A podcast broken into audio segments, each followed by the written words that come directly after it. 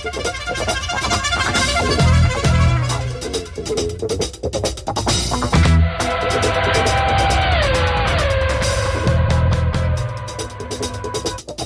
is Natrappen met Jos.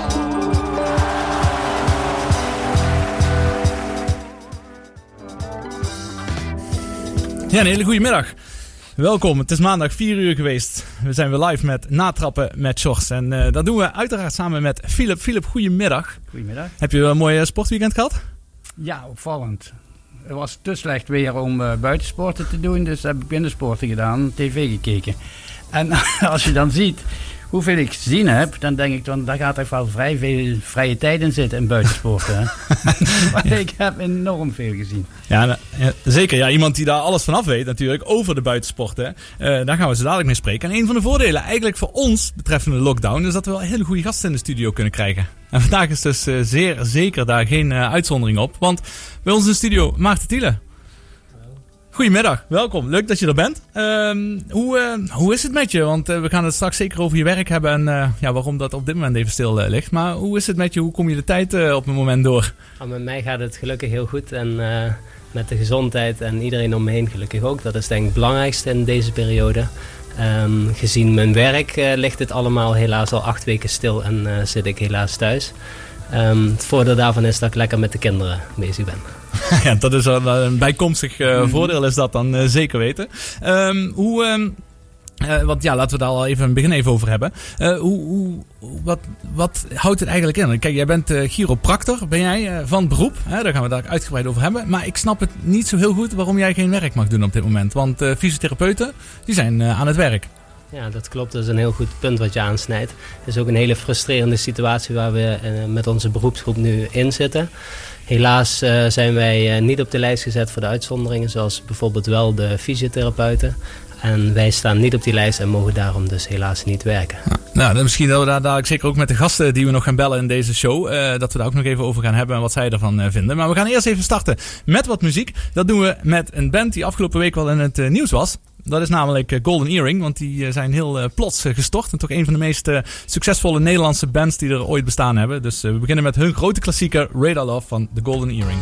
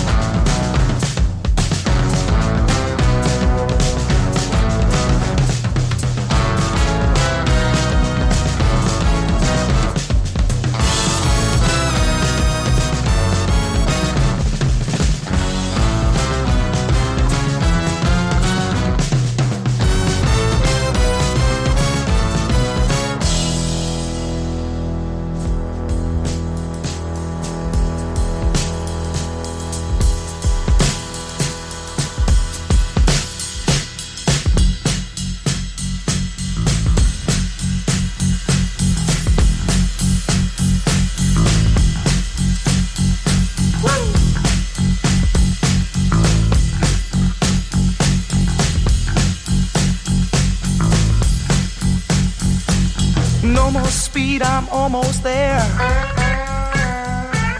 Gotta keep cool now, gotta take care. Last car to pass, here I go. And the line of cars drove down real slow. And the radio played that forgotten song. Brenda Lee's coming on strong. And the newsman sang his same song.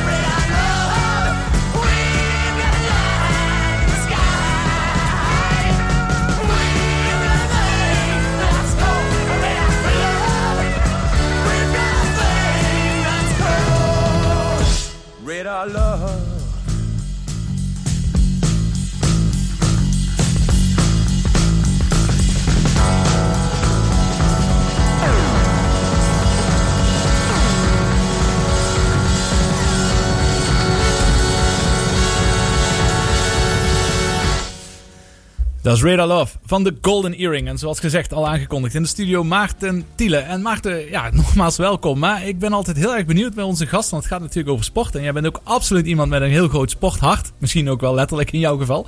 maar in ieder geval sowieso met de liefde voor de sport. Ik ben wel benieuwd hoe die eh, liefde is ontstaan voor jouw eh, sport en jouw passie. Ja, dat is een goede vraag. Ik ben eh, eigenlijk vanuit thuis altijd eh ja, sportminded opgevoed. Eh, de Amsterdam Gold Race komt bij mij letterlijk eh, voor de deur langs eh, als kind. Dus dat was ook een heel festijn en prachtig om mee te maken. Mijn broer die was 11 jaar ouder, die ging naar het CIO's. Dus ook met hem altijd balletje trappen en tennissen en alles wat we met een bal konden doen. Dus eigenlijk vanuit thuis. Oké, en welke sporten... Ja, je zegt de Amsterdam Gold Race kwam door de straat langs. Maar waren er ook andere sporten waar je mee bent gestart of mee bent opgegroeid? Ik heb eigenlijk eh, heel veel sporten gedaan, maar uiteindelijk eh, eh, heb ik heel veel met hockey gedaan en met eh, skiën. Oké, en en waar ben jij opgegroeid trouwens? Ik dat ben, was eh, Kadir een keer. Ik ben in Maastricht geboren Maastricht. inderdaad en Ja? daarna naar Kadir een keer inderdaad. En Van redelijk jongs af aan heb je Ja, daar eh, vanaf gewoond. mijn zesde. Ja. Oké, en toen ben jij zelf dan eh, heel snel ook met het fietsen zelf begonnen? Nee, eigenlijk niet. Ik heb, eh, ik heb wel heel veel gefietst gewoon omdat ik liever eh, met de fiets ging als met een bus of een auto als ik naar school moest en dergelijke. Maar ik heb nooit gekoerst of wedstrijden gereden. Oké, maar was het wel eh, je, al snel je hobby of je passie? Want nu ben je, ja, je bent in veel sporten natuurlijk actief, maar wielrennen is misschien wel het eh, grootste deel van je, van je werk waar je denk in dat actief eh, bent. wielrennen inderdaad het, eh, ja, nu mijn passie Ja. eh, is, zeg maar. Maar dat is eigenlijk ook eh, gegroeid vanuit mijn eh, beroep. Ja, wat dat wilde ik net vragen. Ja. Mag ik daar een beetje uit opmaken dat je zelf niet zo'n heel erge sporter bent geweest? Nou, nee, niet helemaal. Want ik heb wel het SIOS gedaan. Dus ik Ja, ben daarna ook naar het. SIOS gegaan. Dus vanuit daar ben ik eigenlijk alle sporten wel gaan doen. Alleen, eh, ja, ik ben nooit eh, eh, een wielrenner eh, of eh, prof eh, wielrenner geweest. Nee, oké, maar je hebt eh, wel, eh, heb je wel veel, ja, je hebt SEALS doe je heel veel verschillende sporten. Is dat ook hetgene wat je leuk vond? Of was, bleef Nou, dat toch altijd wel een beetje allrounder inderdaad. En eh, ja, hockey eh, heb ik de meeste wedstrijden altijd eh, Ja. gedaan. En dat was mijn sport. Ja, en zou je jezelf nu meer als een duursporter omschrijven? Ja, ik denk dat ik zeker nu een duursporter was. Was ik eigenlijk ook al op het hockeyveld. Dus daar eh, rende ik me eigenlijk eh, de laplazeren, zeg maar. En eh, was ik denk ik eh, tactisch en qua conditioneel ver goed. En beter dan technisch, denk ik. En nu zit ik het meeste tijd echt op de fiets. Ja, als je hebt over populariteit van duursporten. Ik vind namelijk triathlon, daar hebben we het straks of later in dit uur gaan we het over hebben met Maya Kingman. Uh, maar triathlon is iets wat heel veel bedreven wordt inmiddels. Op, ook op amateurniveau, of, of met name op amateurniveau. Maar ook het wielrennen. Ja, misschien dat ik zelf wat meer ben gaan wielrennen, ik daardoor wat meer zie. Maar is dat iets wat jij ook ziet, dat die populariteit van de duursport in zijn algemeenheid een grote ja, toeloop heeft uh, gekregen? Ja, absoluut. Ik denk dat het uh, hele, ja, een hele grote bekendheid heeft gekregen hier, zeker in de regio Maastricht mm -hmm. met de Ironman. Ik denk dat uh, wielrennen heel erg populair is geworden, dat heel veel mensen dit zelf ook zijn gaan doen. Je ziet in de eerste lockdown dat, ja, dat je nergens meer een fiets kan, kan ja. krijgen. Dus dat, dat zijn echt wel populaire sporten op het moment. Ja. kun je dat? Eh, is dat puur inderdaad dat de mogelijkheid er komt door die lockdown? Of, of wat is de charme waardoor je denkt dat eh, mensen het meer gaan zien? Ik hoop vooral ook de charme natuurlijk, dat mensen het eh, Ja. heel erg leuk vinden. Het is ook iets wat je ja, met vrienden kan doen, wat je eh, zelf kan doen, zelf kan indelen. Ja. Dus hardlopen, fietsen en, en zwemmen, als je die combineert zeg maar met triathlon is dat natuurlijk perfect. Absoluut. Doe je zelf trouwens veel eh, kilometers maken? Ik fiets eh, regelmatig inderdaad. Ik- eh, De tijd die ik heb, ben ik inderdaad het liefst op mijn fiets. Maar wat moet ik daar aan denken? Als je nu in deze periode... Ja, de Nou, ik winter, ben weet niet, gisteren, toen was het min, min drie, ben ik met een maat van me inderdaad twee uurtjes buiten gaan rijden. Maar daar heb ik nog steeds spijt van. Dus, je twee uurtjes... ja, en wat zijn meestal je afstanden wat je, wat je fietst als rondje varieert een beetje fietsen? met de drukte. Ik heb natuurlijk twee kleine kinderen thuis Ja. en ik ben vaak weg met, met de wielerploeg. Ehm, maar als ik, eh, ja, als ik eh, lange afstanden kan rijden, dan wil ik dat Ja. ook graag doen. Ja, maar stel als jij in de Tour de France eh, zit bijvoorbeeld, dan valt het natuurlijk niet veel te fietsen voor Nee, jezelf, hè? Dan valt het vaak vies tegen inderdaad. Maar als ik daar een fiets kan krijgen en Ja? kan regelen, dan ben ik zeker Ah, op dat is de leuk. fiets. Ja. Nou, dat is leuk dat je dan toch eh, mooi ook eh, in die bergen en Ja, eh, in, het buitenland de- de mooiste plekken komt. ja, absoluut. Dat zijn de mooiste plekken om te fietsen, dus eh, Cool. daar geniet ik van. Ja, mooi. Nou, gaan we dadelijk gaan we het even wat meer hebben over je carrière die ontstaan is en hoe je in de wielersport dan terecht bent gekomen. Doen we naar een nummer van, eh oeh, dat is een interessante naam, eh, Philip, wat je hebt uitgezocht. Zagger en Evans. En in ieder geval het liedje heet In the Year 2525. can survive, they may find.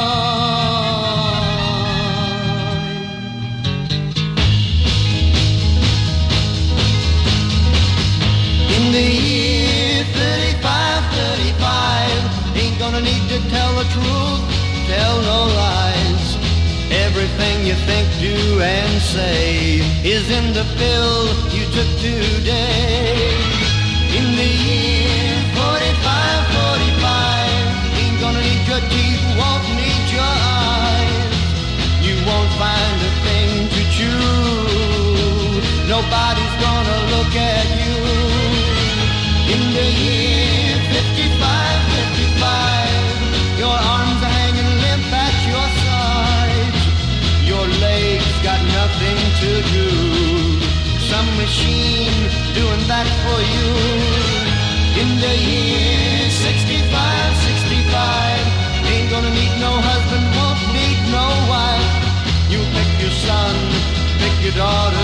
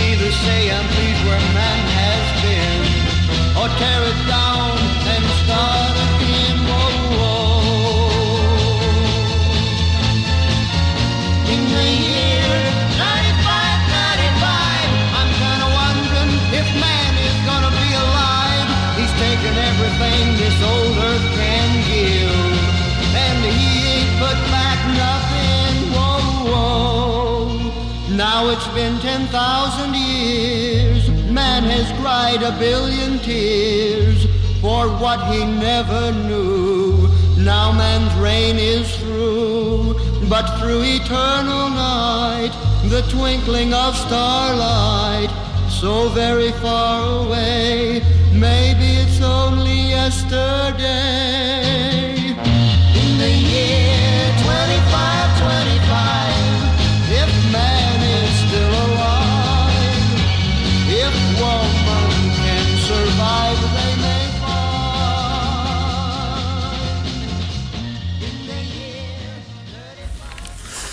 Hier 2525. Maar ja, als je het eh, liedje zo hoort, dan is het niet bepaald een liedje van toekomst. Maar juist een heel oud eh, klassiek nummertje dat het is. Nou, weer terug weer met eh, Maarten Thiele. Ehm, we hebben net gehad hoe jouw liefde voor de sport is ontstaan. Nou, dat is vrij duidelijk. En op een gegeven moment heb je SIOS gedaan. Maar na het SIOS, ja, dan ga je een bepaalde richting op waarin je kiest of je wat voor maatschappelijke carrière dat je gaat volgen. Was het voor jou meteen logisch na het SIOS, maar duidelijk dat je wel in de sport ging blijven of eigenlijk niet? Eh, nee, dat was eigenlijk niet eh, meteen duidelijk. Ik wilde wel eh, verder, alleen ik was in aanraking gekomen met een stuk fysiologie, anatomie en sportmassage. En toen dacht ik, ik word fysiotherapeut. Dus toen ben ik eigenlijk meteen enthousiast geworden en naar de opleiding voor fysiotherapie gegaan. Ben ik eigenlijk vrij goed ook gestart. En bij het derde jaar dacht ik, ik mis iets. En toen kwam ik in aanraking met een chiropractor voor mijn eigen rugklachten. Eigenlijk niemand die dat op dat moment kon oplossen. En ja, dat was voor mij een, een eye-opener. Ik denk, ja, hiermee wil ik, eh, wil ik verder. En toen ben ik cum laude afgestudeerd fysio. Toen dacht ik, ja, dan ga ik ook voor de universiteit in Engeland voor de opleiding voor chiropractie. Heb ik de stap gemaakt, ben ik vier jaar naar Engeland gegaan. Nou, chiropractor geworden. En in mijn laatste jaar, toen dacht ik, ik wil toch ook nog iets met sport doen. En toen ben ik ook als sportchiropractor eh, ben ik, eh, verder gaan studeren. En welk jaartal is dat ongeveer geweest dat je naar Engeland ging? Ik ben in eh, 2010 afgestudeerd, dus 2006 ben ik toen eh, naar Engeland gegaan. En hoe was toen het vak chiropractor in Nederland bekend of geaccepteerd? Eh, eh, nog steeds, eh, zoals nu, eh, Ja. redelijk onbekend nog. Eh, ook nog niet zo geaccepteerd zoals we het willen hebben. Dat is ook de reden waarom we helaas nu in een, eh, in een lockdown zitten en nog niet de erkenning krijgen die de rest van Europa bijvoorbeeld wel heeft. Dus als ik hier eh, 15 kilometer eh, naar richting Smeermaas rijd, dan mag ik wel als chiropractor werken. Want ja. de rest van Europa werken de chiropractoren gewoon. In Nederland helaas niet. Ja. Maar is er dan veel verschil tussen contacten? Nee, dat is Dan- eigenlijk het hele, ehm, ja, hele aparte aan het verhaal. Hè. Ik ben zelf dus fysiotherapeut Mhm. geweest. ben verder te behandelen op een andere manier. En voor veel patiënten daar een oplossing in kunnen Mhm, eh, ja. bieden. Alleen eh, als ik nu mijn patiënten naar een manueel therapeut of naar een fysiotherapeut zou sturen, dan eh, komen er meer reisbewegingen als dat ze waarschijnlijk naar mij toe komen. Hè, want ze moeten weer opnieuw een hele dossier neerleggen en opnieuw onderzocht worden. Dus qua reisbewegingen zal er in ieder geval niks veranderen of wordt het waarschijnlijk nog meer. En qua contact doe ik hetzelfde als de fysiotherapeut. Mhm, Dus eigenlijk ja, is, eh, is het een gekke regeling. Maar als we het dan toch over, eh, hierover hebben. ehm, top, voor topsporters zijn er heel veel uitzonderingen gemaakt. Omdat die hun sport gewoon moeten kunnen blijven beoefenen. Jij werkt veel met topsporters. Waarom is daar geen onderscheid gemaakt eh, tussen topsporters of gewone, ja, gewone mensen tussen haakjes? Ja, nou, ik, ja, daar is eigenlijk geen uitzondering voor gemaakt in, de, in deze zin, zeg maar. Dus de, ehm, de bonden die werken dan met hun eigen personeel ook samen. Als ik nu met Jumbo-Visma op stap was gegaan naar trainingskamp bijvoorbeeld, had ik wel mee mogen gaan. Maar eh, in mijn eigen praktijk mag ik daar in Mhm. principe helemaal niemand zien. Dus het is een eh, hele ja, gekke Ja, en precies. kromme regeling. Nou, dat is duidelijk. Ehm, even dan weer terug naar. eh, we hadden het over Engeland en, ben terug, en toen ben je teruggekomen. Was dat altijd eh, de, wel de bedoeling dat je terug naar Nederland zou komen? Ja, eigenlijk, eh, ei- ja, eigenlijk wel. Ik, ben toen, ik wist alleen niet of ik terug naar Maastricht eh, eh, ging komen. Alleen eh, ik kon een baan vinden hier in de buurt. En ben toen weer teruggekomen naar eh, ja, eigenlijk mijn eigen stad, Mhm. Maastricht. Ben eh eh, jaar daarna mijn eigen praktijk begonnen. Hier in Maastricht, Giromotion. En we hebben hier eh, ja, eigenlijk... eh, ja, heel goed, ja, denk ik, werk kunnen leveren, waardoor we steeds groter werden en groeiden. En in het begin eigenlijk met een aantal wielrenners die bij mij op de bank kwamen. Nou, de trainer van het RTC, het regionaal trainingsteam Limburg hier van het wielrennen, die zag dat ook en die was er erg enthousiast over. En zo kwam ik via de fysiotherapeut en de arts ook bij het medische team van het regionaal trainingsteam eh, te zitten. En dat was eigenlijk een beetje de spin-off van mijn sport- in, eh, en, en wielrencarrière. Ja, het viel me wel op inderdaad, eh, toen bekend werd dat jij te gast zou zijn binnen dit radioprogramma. Ik kreeg inderdaad al spontaan berichten van Erik Meijer, Tom Hamakers. eh, natuurlijk allemaal echt grote ja, sporters hier in het zuiden. Die zijn volgens mij bijna allemaal bij jou terechtgekomen. Dat is toch wel interessant dat, dat ja, Giro, als chiropractor, dat, ja, dat zie je toch al eh, weten te vinden, de, de echte sporters. Ja, dat was natuurlijk voor mij eh, ja, ook in het begin eh, even zoeken en kijken of dat allemaal zou gebeuren. Maar op het moment dat ik mijn eerste wielrenner en profielrenner kreeg, ging dat eigenlijk Ja. heel snel en kwam het in een, ja, in een stroomversnelling terecht. Want als je eentje goed helpt, dan komen Ja, ja. er weer een heel aantal. Precies. Ja, en zo kreeg ik de ene profielrenner na Ja. de andere en ja, zo gebeurde er van alles. Ja. En dan even als laatste in dit Mhm. blokje, Ja. dan ben je ook bij teams eh, betrokken geraakt binnen de wielrennen. Want zo eh, kreeg ik eh, eigenlijk de mogelijkheid om ook, omdat ik een aantal wielrenners en wielrensters uit de ploeg Giant Alpecin was dat toen, eh, heb ik met de arts contact gehad. Nou, daar is het denk ik wel een beetje blijven hangen. En toen een fysiotherapeut uit de ploeg mij voorstelde, toen er een, eigenlijk een vacature kwam, ja, toen eh, werd ik gebeld en eh, mocht ik eh, mee opdraven naar eh, ja, de grote rondes met Giant Alpecin, dat ervoor ja, eigenlijk Sunweb Ja. is geworden. Ja, ja. Precies. Nou, mooi. Dat eh, klinkt goed. En daar gaan we zeker straks nog eh, veel meer over hebben. Hoe dat eh, werk bevalt om echt in de, in de rondes en in de grote koersen te zitten. Maar zo dadelijk, eh, na een liedje van eh, Elton John, Tiny Dancer, gaan we eerst even bellen met ook een, eh, iemand waar jij goed contact mee hebt en die ook helpt. Eh, Maya Kingma, die heeft... Kingman? Nee, Kingma is het, hè? Kingma. Sorry. Ja. En die heeft zich gekwalificeerd voor de Olympische Spelen. En dat is natuurlijk wel echt een hele grote prestatie. Want ik vroeg me eigenlijk af, zijn er meer Maastrichtenaren? Of mensen die woonachtig zijn in Maastricht, die eh, in ieder geval op de planning staan om in eh, Tokio deel te gaan nemen, als het doorgaat? Ja, eh, nou, ja, de vraag is of het al- allemaal Ja, doorgaat, maar daar gaan we even wel vanuit, hè, Ja. want dat willen we allemaal. Tuurlijk. Ehm, nou, er zijn denk ik wel een paar mensen die in ieder geval woonachtig zijn hier in de buurt. Ik heb een aantal Olympische sporters ook daarvan in de, in de praktijk. Ehm, het mooie is dat Maya in ieder geval ja, met haar talent en doorzettingsvermogen eh, dit ook bereikt heeft. En ja, dat is een waanzinnig eh, mooie prestatie Ja. wat ze daar heeft neergezet. Ja, leuk om dadelijk even met haar hierover te spreken. Absoluut.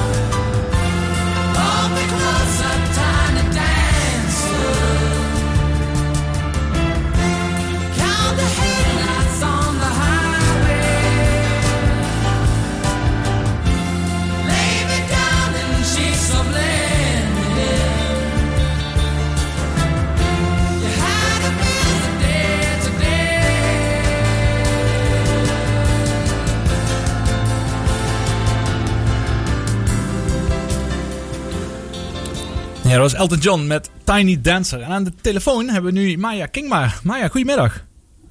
Goedemiddag. Ja, leuk dat we even mogen spreken. Ehm, hey, jij hebt eh, de Ironman in Maastricht eh, gewonnen vorig jaar in eh, september. Je bent zesde geworden bij het WK in Hamburg en derde in de laatste World Cup. Dat zijn natuurlijk geen, absoluut geen misselijke prestaties. En normaal gezien zou je zeggen dan dat dat makkelijk voldoende zou zijn, omdat je bij de wereldtop zit, om naar de Olympische Spelen te mogen gaan. Maar dat was toch wat spannender nog dan, dan het lijkt, of niet? Ja, allereerst dankjewel. En eh, ja, klopt.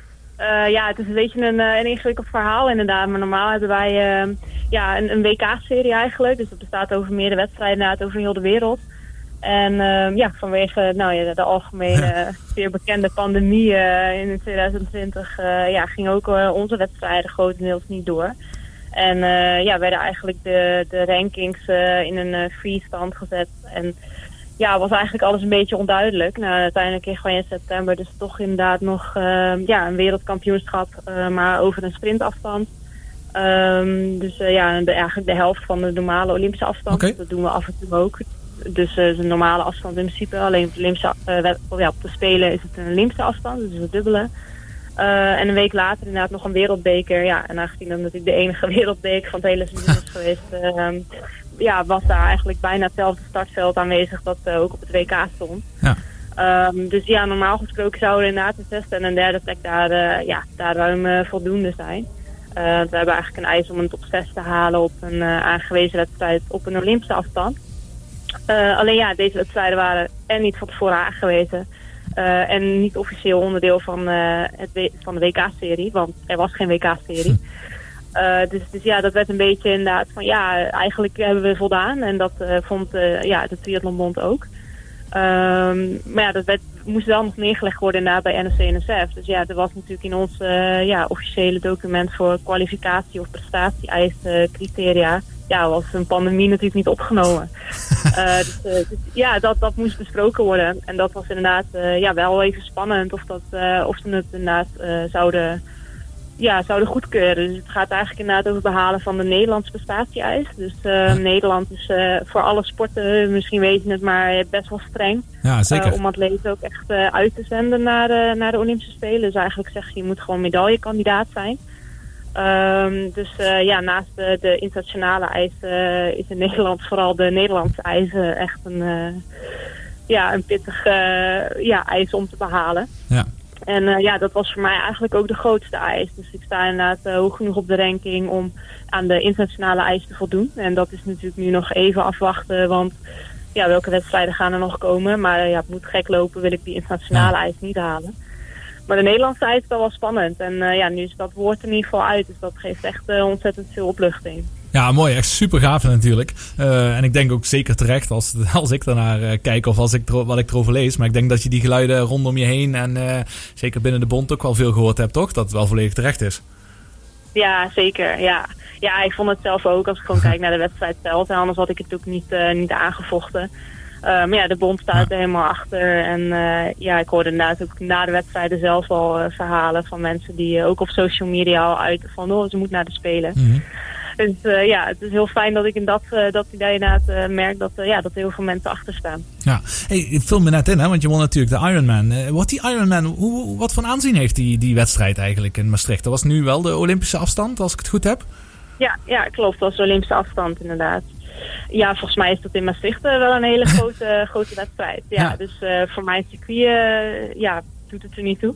Maar ik Ja, vond nee, het heel dat- gaaf dat we in Maastricht eh, konden racen. Ja. want we hadden net met Maarten in het begin even erover. Dat eigenlijk dankzij een Ironman natuurlijk heel veel eh, ja, recreatieduursporters in Maastricht daarbij zijn gekomen. En mensen die echt daarvoor aan het trainen zijn enzovoort. En ik vroeg me even af, eh, want wat je terecht zegt, in Maastricht is het wereldberoemd. En ja, veel mensen die ervoor trainen. Maar ik vroeg me af op, op niveau, wat jij bedrijft, of dat daar ook leeft. Maar dat is dus helemaal, is gewoon een heel klein wedstrijdje eigenlijk.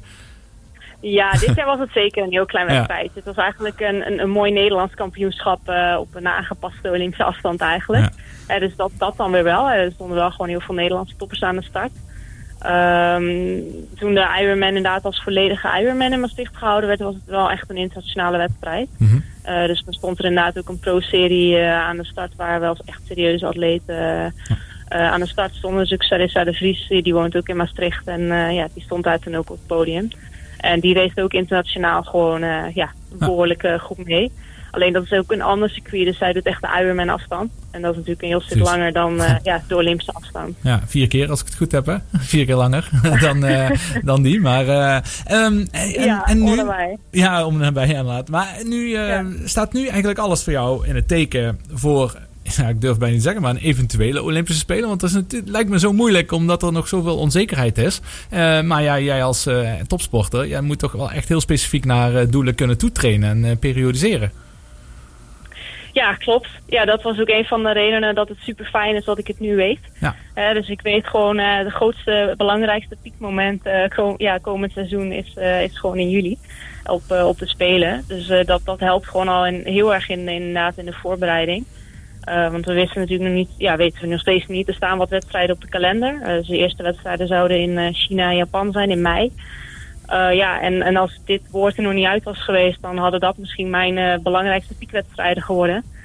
En dan is het natuurlijk lastig om, om te weten van ja, hoe ga ik dan inderdaad doorplannen en welke wedstrijd gaat tellen als kwalificatiewedstrijd. Mhm. Dus inderdaad, qua planning ja, maakt dat het makkelijker. Eh, en hoop ik wel gewoon inderdaad door te kunnen trainen, nu focus te kunnen leggen op de wedstrijden die eh, voorlopig lijken door te gaan. En dan ja, als we niet doorgaan, dan eh, ja, plannen we wat anders in. Ja. Ja, een beetje pas aan meten voor iedereen natuurlijk, zeker in, de- in de topsport. Eh, maar Maarten, hoe lang, Ja. eh, hoe lang werken jullie eigenlijk al eh, samen? Is dat een lange periode? Ja, Maya, misschien kan jij daar iets verder aan toelichten. Ja, wat is dat geweest? Ik denk eh, eind 2016, begin 2017 denk ik dat ik, eh, Zo, ja, dat ik eigenlijk een tijd eh, kampte met een blessure. En eh, bij Maarten terecht kwam. Oké, eh, ja, dat, is, dat vind ik wel interessant. Ja. Maar is dat iets, een blessure waar je op andere wijze zeg maar, niet verbetering in kwam en dat je dacht van ik ga het op een andere manier proberen? Of, of was het echt gewoon al bewust snel dat je dacht van ik moet bij een chiropractor, bij Maarten in dit geval, terecht gaan? Nee, ik had nog geen idee eh, wat een chiropractor was. Dus laat staan dat ik, eh, dat ik wist wie Maarten was. Ja, Eh, ik had inderdaad al, al meerdere fysiotherapeuten gehad en eh sportarts. En ja, ik had zelfs ja, foto's en ziekenhuisbezoeken en dergelijke. En we kwamen daar eigenlijk niet uit. En ehm, ja, er was ook niet structureel iets gewoon gebroken of kapot of iets dergelijks. Mhm. Dus eh, ja, toen zijn we inderdaad echt verder gaan zoeken. En eh, ja, via via en ook eigenlijk via andere atleten die heel tevreden waren over Maarten. Ja, ben ik ook bij Maarten terechtgekomen. En die eh, heeft, ja, heeft even gekost, maar die heeft het wel gefixt. Dus eh, ja, credits aan Maarten wat dat betreft, ja. Ja. Nou, we hebben kosten en moeite bespaard, Maya, voor eh, jouw blessure toen. We hebben daar heel veel aan gewerkt, maar het was inderdaad een, eh, ja, een, eh, een mooie uitdaging, noem ik het eigenlijk liever. Maar heeft gelukkig eh, geresulteerd in een, eh, ja, denk ik, een, eh, een super performance uiteindelijk. ja absoluut, dat blijkt wel. Ja.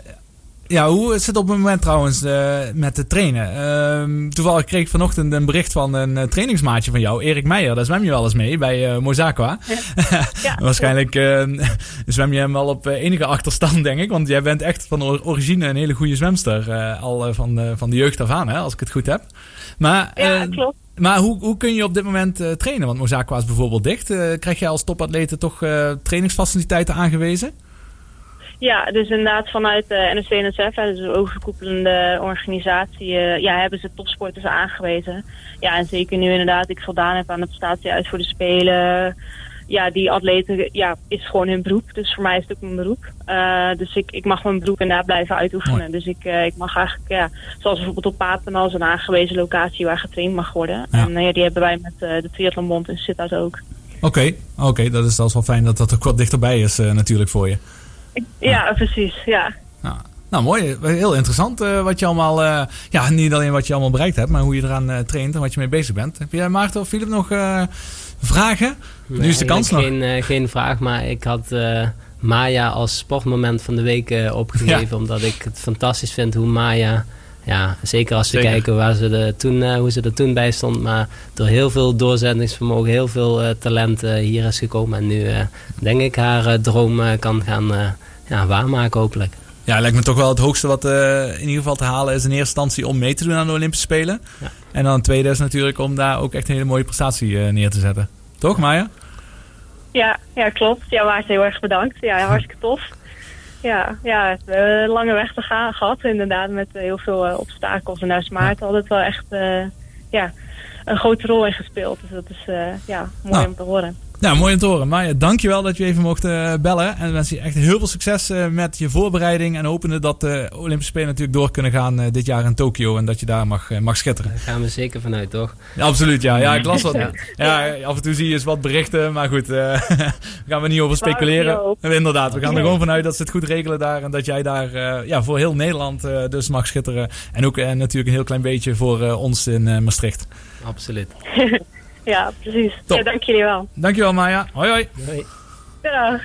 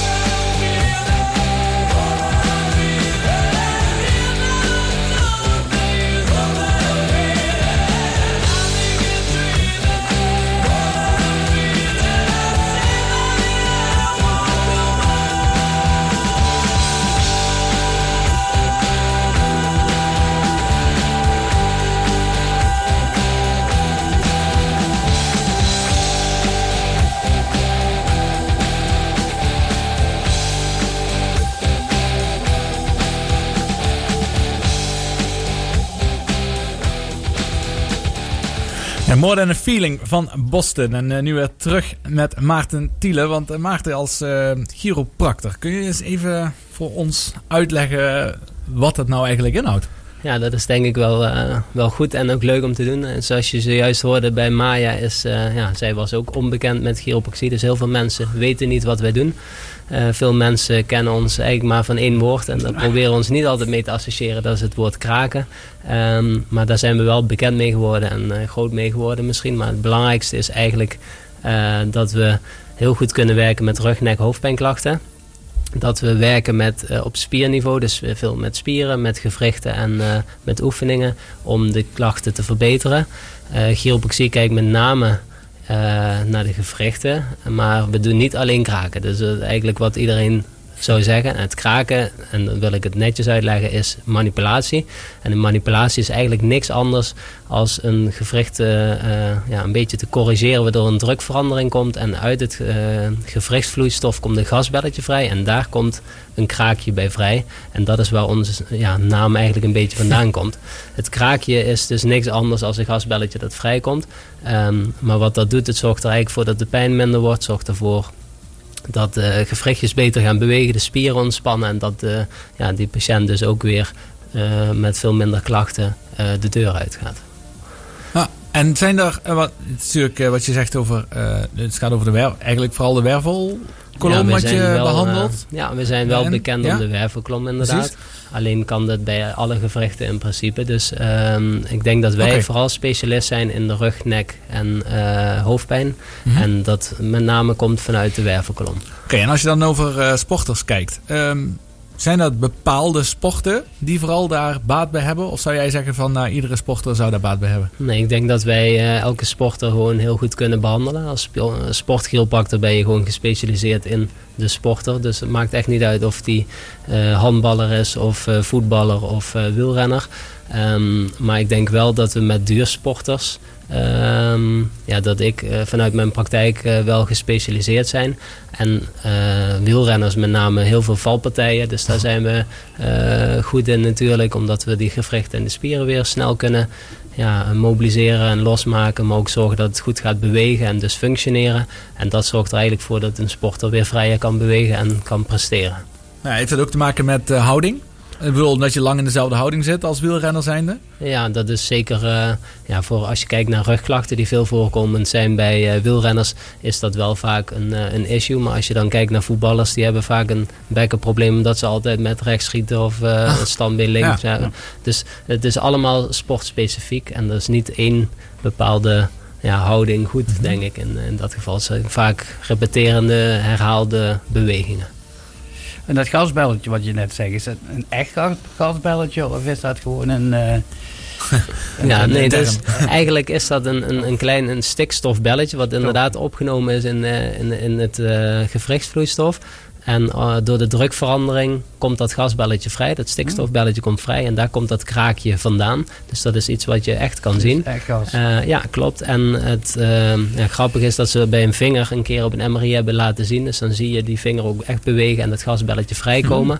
En ja, we vergelijken het wel eens als ik dat aan een patiënt uitleg met het ontkurken van een champagnefles. Komt er ook een eh, drukverschil, gasbelletje en dat maakt dat ploppend geluid.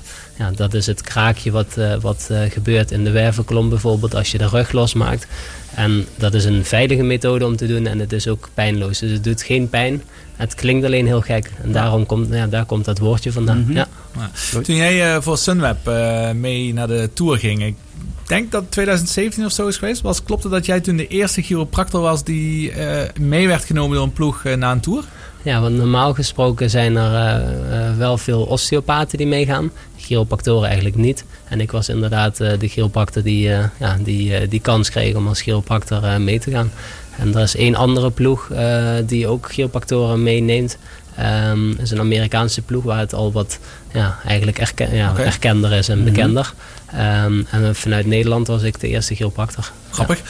Nou, het- ik blijf het wel een beetje verbazen dat Nederland toch een redelijk vooruitstrevend land is normaal. Zeker op eh, medisch gebied eh, en alles. En dat dan eh, de chiropractie dan toch ja, achter ligt. Eh, vergeleken met andere landen. Want je zegt net, je noemde Europa al. eh, Ja. Maar nu noem je Amerika erbij. Ja, nee, klopt. Wereldwijd is chiropractie gewoon een, eh, ja, een veel bekendere ehm, ja, eh, methode, zeg maar. Ja. En eh, behandelmethode. En eh, ook wel opgenomen in, ja, in de medische tak. Eh, als je kijkt naar Denemarken, daar is eh, de opleiding voor geneeskunde ge- eh, gekoppeld met de opleiding voor chiropractie. Ehm, in Amerika zijn bijna alle ehm, sportbonden is een chiropractor aan verbonden. Dus wij lopen wat dat betreft helaas achter in Nederland. Maar ik denk dat het vooral komt omdat we met een kleine groep zijn. Er zijn maar ongeveer 350 chiropractoren in Nederland. Er zijn ongeveer 15 sportchiropractoren zoals mij in Nederland. Dus dat zijn er heel weinig. Maar er zijn wel eh, 22.000 fysiotherapeuten. Dus En osteopaten? Osteopaten weet ik niet het aantal, maar dat zijn er wel ook een, echt een, een, een groter aantal. Ja. Omdat er een opleiding eh, ook voor is hier en ook in België. Eh, voor de opleiding chiropractie moet je eigenlijk eh, naar oh, ja, Denemarken, wat ik zei. Maar mijn Deens was niet zo goed, dus ik ben naar Engeland gegaan. Dus in Engeland is eigenlijk het, eh, ja, of in Wales bijvoorbeeld, eh, dat zijn eigenlijk de, de, ja, de, de mooiste en makkelijkste, eh, toegankelijkste eh, opleidingen voor chiropractie. En zie jij als jij, nee, laat ik het anders zeggen. Ehm, komen mensen echt bij jou voornamelijk wanneer ze klachten hebben? Of eh, vind jij het juist belangrijk om preventief te werken? Dat mensen gewoon naar je toe komen om te zorgen dat ze geen blessures kunnen gaan oplopen? Ja, dat is wel een interessante vraag. Ik denk dat eh, de, de meeste mensen die komen bij ons op het moment dat ze al klachten hebben. Ja. En vaak zijn ze al bij eh, fysiotherapeuten geweest bijvoorbeeld, komen niet verder en dan zijn we een beetje het laatste redmiddel.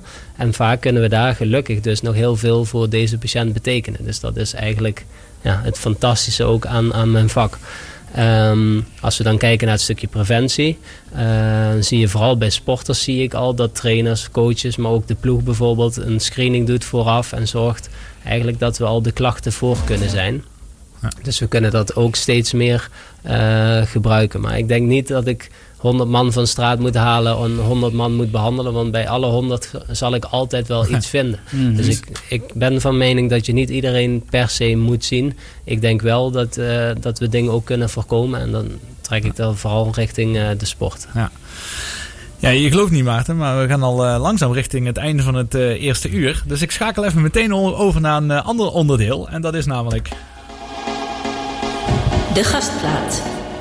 Ja, ik vraag altijd aan iedere gast eh, welk liedje een bepaalde be- of een bijzondere sportbetekenis heeft voor mijn eh, gast. Dus ik ben heel benieuwd eh, wat dat bij jou is. En dan kunnen we dat liedje draaien als einde van het eerste uur.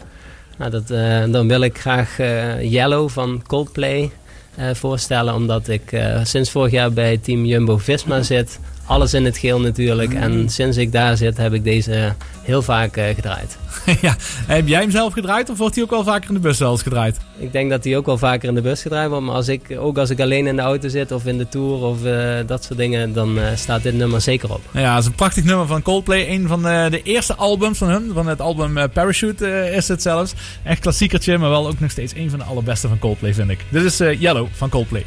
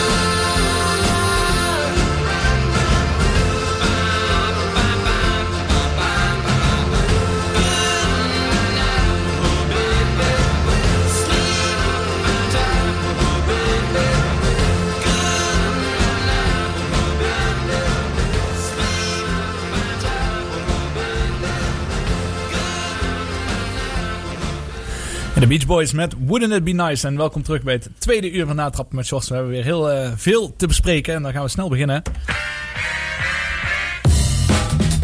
Oh, een goal! Wat een goal! Timmetje, Timmetje, wat ga je doen? En hij staat! hij staat! Het is ongekend! Daar gaat hij om en neemt hem over. Goud is er voor Mark Huizinga. Het sportmoment van de week. En bij het sportmoment van de week beginnen we natuurlijk altijd met onze gast Maarten Tielen. En dit, eh, we hebben natuurlijk met Maya al gesproken. En dat is, ben ik wel met je eens hoor. Dat was echt wel een absoluut sportmoment van de, van de afgelopen week. Eh, maar uiteindelijk is een ander sportmomentje het geworden. En daar laat ik een fragmentje even bij horen. Uh, we are absolutely confident the Australian Open is going to go ahead. Uh, we know that uh, we've got a period now that we're got to work through with those 507 players and their staff. It's 160 players actually uh, that need a test, and we fully expect the probability is very low uh, that there's going to be any issue. We fully expect them all to be uh, to test negative. Ja, dat is eigenlijk de soap eh, van de Australian Open weer. Die vandaag wel begonnen is. Ja, gelukkig is eh, vandaag de Australian Open gewoon kunnen beginnen. Alleen het begon natuurlijk met een, eh, ja, een hele moeilijke quarantaine van 600 man vorige week. Ja, hoe is dat tot stand eh, gekomen? Want dat was ook wel weer bijzonder, hè? Eh, ik heb er dan het, programma al eh, meer over gehad. Eh, met name toen die vluchten aankwamen naar Australië. Daar zaten een paar positief geteste medereizigers, niet eens eh, sporters. Daardoor moesten ze al eh, 14 dagen in quarantaine op een hotelkamer. Wat de meest bizarre tafereelen opleverde. Waar ze tegen de ramen aan stonden te voleren. Of tegen de matrassen aan stonden te trainen. Omdat ze de baan niet op mochten, niet naar buiten mochten. En dan denk je van nou, nu hebben we het voor elkaar. En toen was er opeens een, eh, eh, een, hotelmedewerker eh, besmet. Waardoor weer 600 man in, eh, in quarantaine moesten. Maar hoe kijk, je- hoe kijk je naar dat soort uh, taferelen daar? Ja, we zitten nu helaas wel in die situatie waarbij Ja. dit soort dingen niet altijd uit te sluiten zijn. Ik denk dat ze daar hele strikte regels hebben. Ehm, als ik terugkijk naar vorig jaar ben ik in de Giro geweest met eh, Kruiswijk, waar helaas ook zoiets gebeurde. Ehm, Deze dingen zijn helaas op dit moment gewoon eh, ja, eh, bijna niet uit te sluiten. En die dingen kunnen gebeuren. En ja, het team Jumbo-Visma heeft bijvoorbeeld het trainingskamp vorige week in Spanje gedaan. Hebben al het staf hebben ze thuis gelaten van eh, het hotel. Dus ze hebben alles zelf gedaan om dit soort dingen ook ja, proberen uit te sluiten. Alleen je kan nooit alles helemaal buiten de deur houden helaas. Ja, want in de Giro vorig jaar, Jumbo-Visma, die zijn zelfs uit, uit de Giro toen gestapt, hè? Ja, klopt. Ehm, maar ja, ja, mag ik niet echt een mening over hebben, vind ik, over dit soort taferelen wat daar gebeuren. Want als er één iemand besmet is, dat er 600 man in eh, quarantaine moeten en getest worden. Nou, je, zou, je zou bijna denken van, ja, is het echt nodig? Maar Ja, ik denk dat ze daar heel strikt zijn. Hè? Ja. Want als je, ze laten Zeker in Australië. Publiek, eh, publiek laten ze zelfs toe, 30.000 man. Ja, klopt. Dus ze willen het ook echt ja, zoveel mogelijk eh, eh, ja, buiten de deur houden. En dat doen Zeker. ze supergoed. En Ja. dan zijn dit soort maatregelen helaas ja, wel iets van deze tijd. Ja, Ja. je hebt gelijk, maar het is wel heel mooi dat daar weer eens eh, gesport wordt met eh, toeschouwers Ja. eh, daarbij. Dat is natuurlijk wel heel, heel gaaf. op deze manier kunnen ze dat dus wel doen. En dat Ja. ja. is vandaag gelukkig dan ook kunnen beginnen. En dat is natuurlijk Precies. wel weer iets positiefs. Volg je tennis trouwens veel zelf? Ik vind tennis in ieder geval ook weer een hele mooie en leuke sport om, om te zien en te volgen. Ja. Heb je liefhebber? Of eh, ik bedoel, eh, wie is je favoriet? Federer. Ja, mooi. Goed om te horen. Ja, er was even sprake van dat hij misschien ook naar Rotterdam zou komen. Naar het ABN AMRO toernooi. Wat echt een enorm sterk deelnemersveld heeft. Al eh, met Nadal, met Verdef, ja, noem ze maar op. Er zijn meer dan zes spelers in de top 10. Als ze komen, want dat is in Rotterdam altijd even de, de vraag. En doorgaat, ja. En doorgaat. Eh, maar Federer gaat eh, waarschijnlijk dus in, eh, in Doha of Dubai. Een van de twee. Ik denk Doha dat dat waarschijnlijk zijn rentree zou zijn. Hij heeft ook een huisje in, in Dubai. Dus hij, dat is misschien wat makkelijker voor hem te bereizen daar. In ieder geval, ja, dat gaan we de komende twee weken weer volgen. De Australian Open. En inderdaad, een, mooi sportmoment was dat. En gelukkig dat ze van start zijn gegaan. En laten we hopen dat het in ieder geval tot een goed einde kan komen. Met publiek zelfs erbij. Ja. Philip, jij in stijl blijft in de wielersport. Eh, want eh, ook wielrennen is eigenlijk weer begonnen hè, afgelopen week. Eh, er was een, eh, een, de ster van eh Bessège, om het heel mooi te zeggen. Dat was een eh, bijzonder eh, actie op de voorlaatste dag van eh, Ghana. En daar hebben we ook een fragmentje van.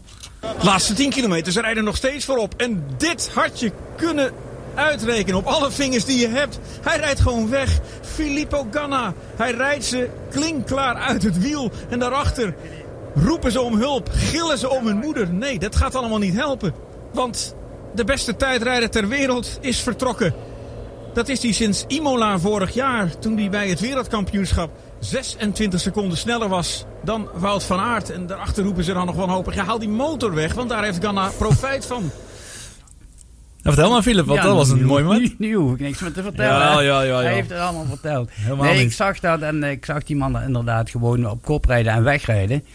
En dat associeer ik meteen met eh Feder den Hertog. Dat zegt jullie niks, hè? Feder den Hertog was een, eh, een wielrenner Die deed precies hetzelfde. Alleen eh, hij was in die tijd amateur. En toen stelde amateurwedstrijden iets voor. Want het hele Sovjetblok, al die wielrenners daar waren amateurs. Dus die, die hadden dus speciale amateurwedstrijden die zeker zo sterk waren als, als de profs in die tijd. Dus spreek in de begin 60er, 70er jaren. En daar deed hij de eigenlijk altijd mee. En ze noemden hem daar Ivan de Verschrikkelijke, want die ging op kop rijden. En dan zag hij aan de finish, draaide hij zich om en dan zag hij niemand meer. En dat heeft hij jaren volgehouden. Eh, hij wilde geen, in het begin wilde hij geen prof worden, omdat hij dan bang was om zijn, zijn, zijn eh, status en dat hij zelf kon doen wat hij wilde, kwijtraakte.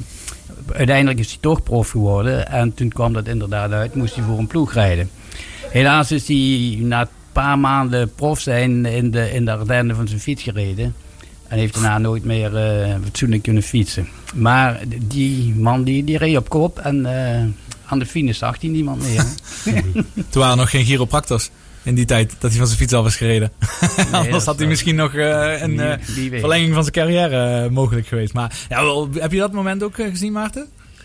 Van eh, die etappe, dat hij daar gewoon op kop rijdt en opeens wegrijdt? Ja, maar we weten van, eh, ja, hij is wereldkampioen tijdrijden sowieso. En heeft Hij gisteren wilde natuurlijk even, even oefenen voor de tijdrit ja, van de dag ja. daarna. Hè? Ja. Ook die ging aardig goed af. Ja, dus, precies. dat was goed. Ja. Maar het is toch bijzonder, want als, ja, als hij eenmaal weg is, dan snap ik dat hij voor kan blijven. Maar om weg te komen, dat is toch wel uniek. Dan, dan moet je heel Van veel eh, kracht in je benen Ja. hebben. Ja, als je, Mhm. eh, En daar staat nogal een, eh, een flinke...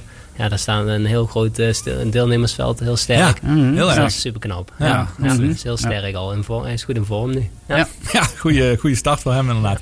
Nou, dan mijn eh, sportmoment. Ja, dat is echt mijn guilty pleasure. Daar kijk ik ieder jaar eh, toch weer naar uit. Vroeger bleef ik er echt de hele nacht eh, voor wakker. Maar gelukkig kun je tegenwoordig alles opnemen. Dus heb ik het in aanloop naar dit programma en mijn voorbereiding... heb ik het rustig vanochtend kunnen terugkijken. Ja, dat is toch wel de Super Bowl in Amerika van de National Football League, de NFL. Waar Tom Brady zijn zevende Super Bowl weet te winnen. Is ongelooflijk wat een ontzettende held is Tom Brady. Een eh, klein eh, fragmentje, dat hoort er natuurlijk wel bij. Now it stops to stop again. Brady play action. Looking. Third option. End zone. Caught! Gronkowski again with the touchdown. Ja, de zoveelste touchdown wat hij daar weer eh, gooit. Eh, ze maakte echt eh, gehakt van die Kansas City Chiefs die vorig jaar gewonnen hebben. Met eh 31-9 was het. En nou, dat is mooi hè, want er was ook publiek zoals je kon horen. En dat was deze keer niet van een bandje. Want er waren 22.000 mensen waren in het stadion. Waar er normaal meer dan 70.000 mensen in het stadion mogen zijn. Maar in ieder geval was er weer wat publiek. Wat toch voor de sfeer en het geluid en de, de kijkbeleving toch wel weer een stukje prettiger was. Maar in ieder geval over Tom Brady. 43 jaar oud. Die wint dus een zevende Super Bowl. En het, eh, we hebben het al eerder over gehad. Hij heeft er zes gewonnen met de New England Patriots.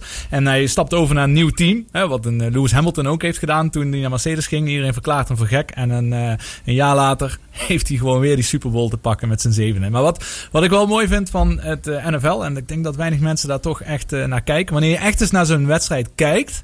eh, in plaats van een samenvatting. Dan vind ik zo mooi om dat soort die tactiek steeds meer te gaan zien hoe dat in zijn werk is. En dat het niet kwestie is van een paar domme zwaargewichten die tegen elkaar aan zitten te rennen met, eh, met hun helmen op. En dat, dat, die ervaring had ik ook een keer, eh, want dat was ook afgelopen weekend, heb ik ook even aan eh, getwijfeld. Schotland won van Engeland in de Calcutta Cup, eh, de Six Nations League. En ik ben daar een aantal jaren geleden ook geweest. eh, op Murrayfield, uitverkocht eh, in Schotland, eh, waar ik die wedstrijd gezien heb. En dan zat ik achter de doelpalen. En normaal als je rugby op tv kijkt, en ik kijk eigenlijk niet veel naar. Maar dan, dan zie je het ook niet, hè. Door de bomen het bos niet meer. In dit geval door de, de beren van eh, spelers zie je het allemaal niet meer gebeuren. Maar als je er achter zo'n doel zit, dan zie je pas wat die tactiek allemaal eh, daarbij komt kijken. hè. En hoe de opstelling en de passes en et cetera. En dat was me toen heel erg opgevallen. En dat zie je ook steeds meer terugkomen bij zo'n eh, wedstrijd van de NFL. Want in het begin, ja, ze kwamen allemaal niet er doorheen. Dan heb je zo'n defense die zo dominant is dat er eigenlijk niks gebeurde. In de eerste kwart was bijna saai te noemen. En dan is toch zo'n grootheid als een Tom Brady, samen natuurlijk met zijn coach, die weten dan weer plannen te bedenken en de afwisseling, waardoor ze opeens die hele verdediging aan flarden werkelijk weten te scheuren. En ja, voor je het weet, eh, waren ze bij rust soms met 21-6 voor en was het gewoon al eh, gespeeld. Ik vind het echt, eh, echt knap.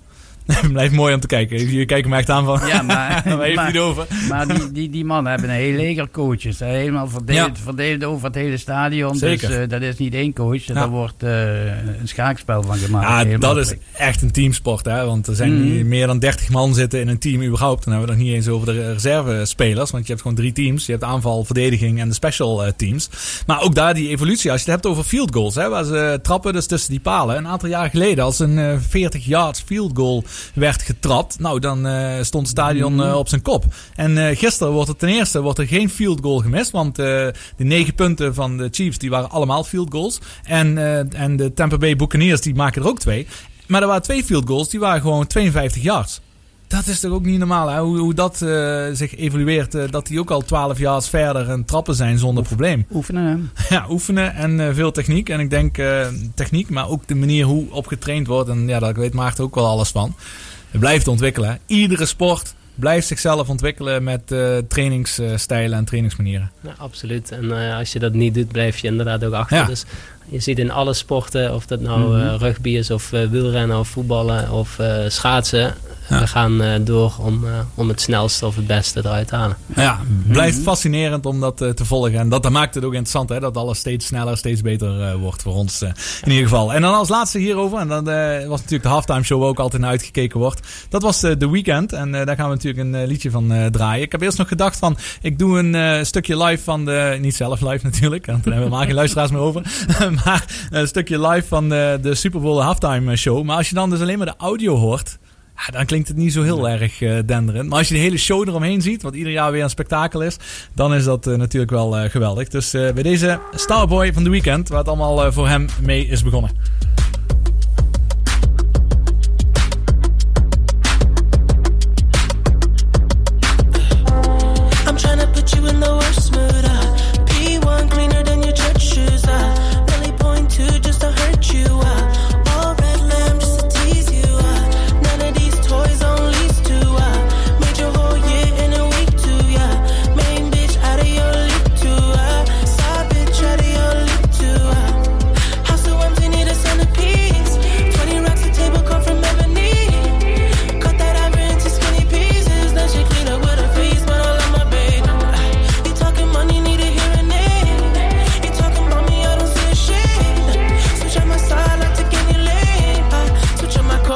any pain.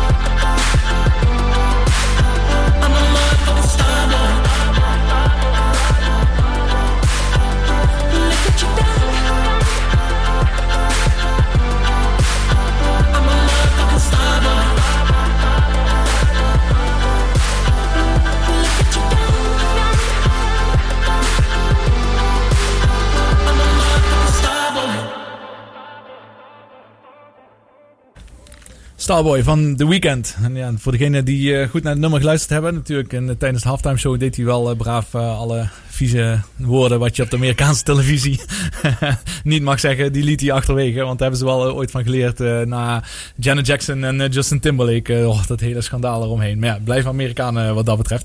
Gelukkig doen we daar hier niet zo heel erg eh, moeilijk over. Eh, niet dat wij eh, rare woorden op de radio gebruiken. Maar ik bedoel, we kunnen over alles spreken. En dat doen we dan ook zeker. Want Maarten, jij hebt dit jaar eigenlijk voor de eerste keer voor Jumbo-Visma eh, heb je gewerkt. Hè? En ben je mee naar de, onder andere naar de Tour de France geweest. Maar wat ik me een beetje afvroeg.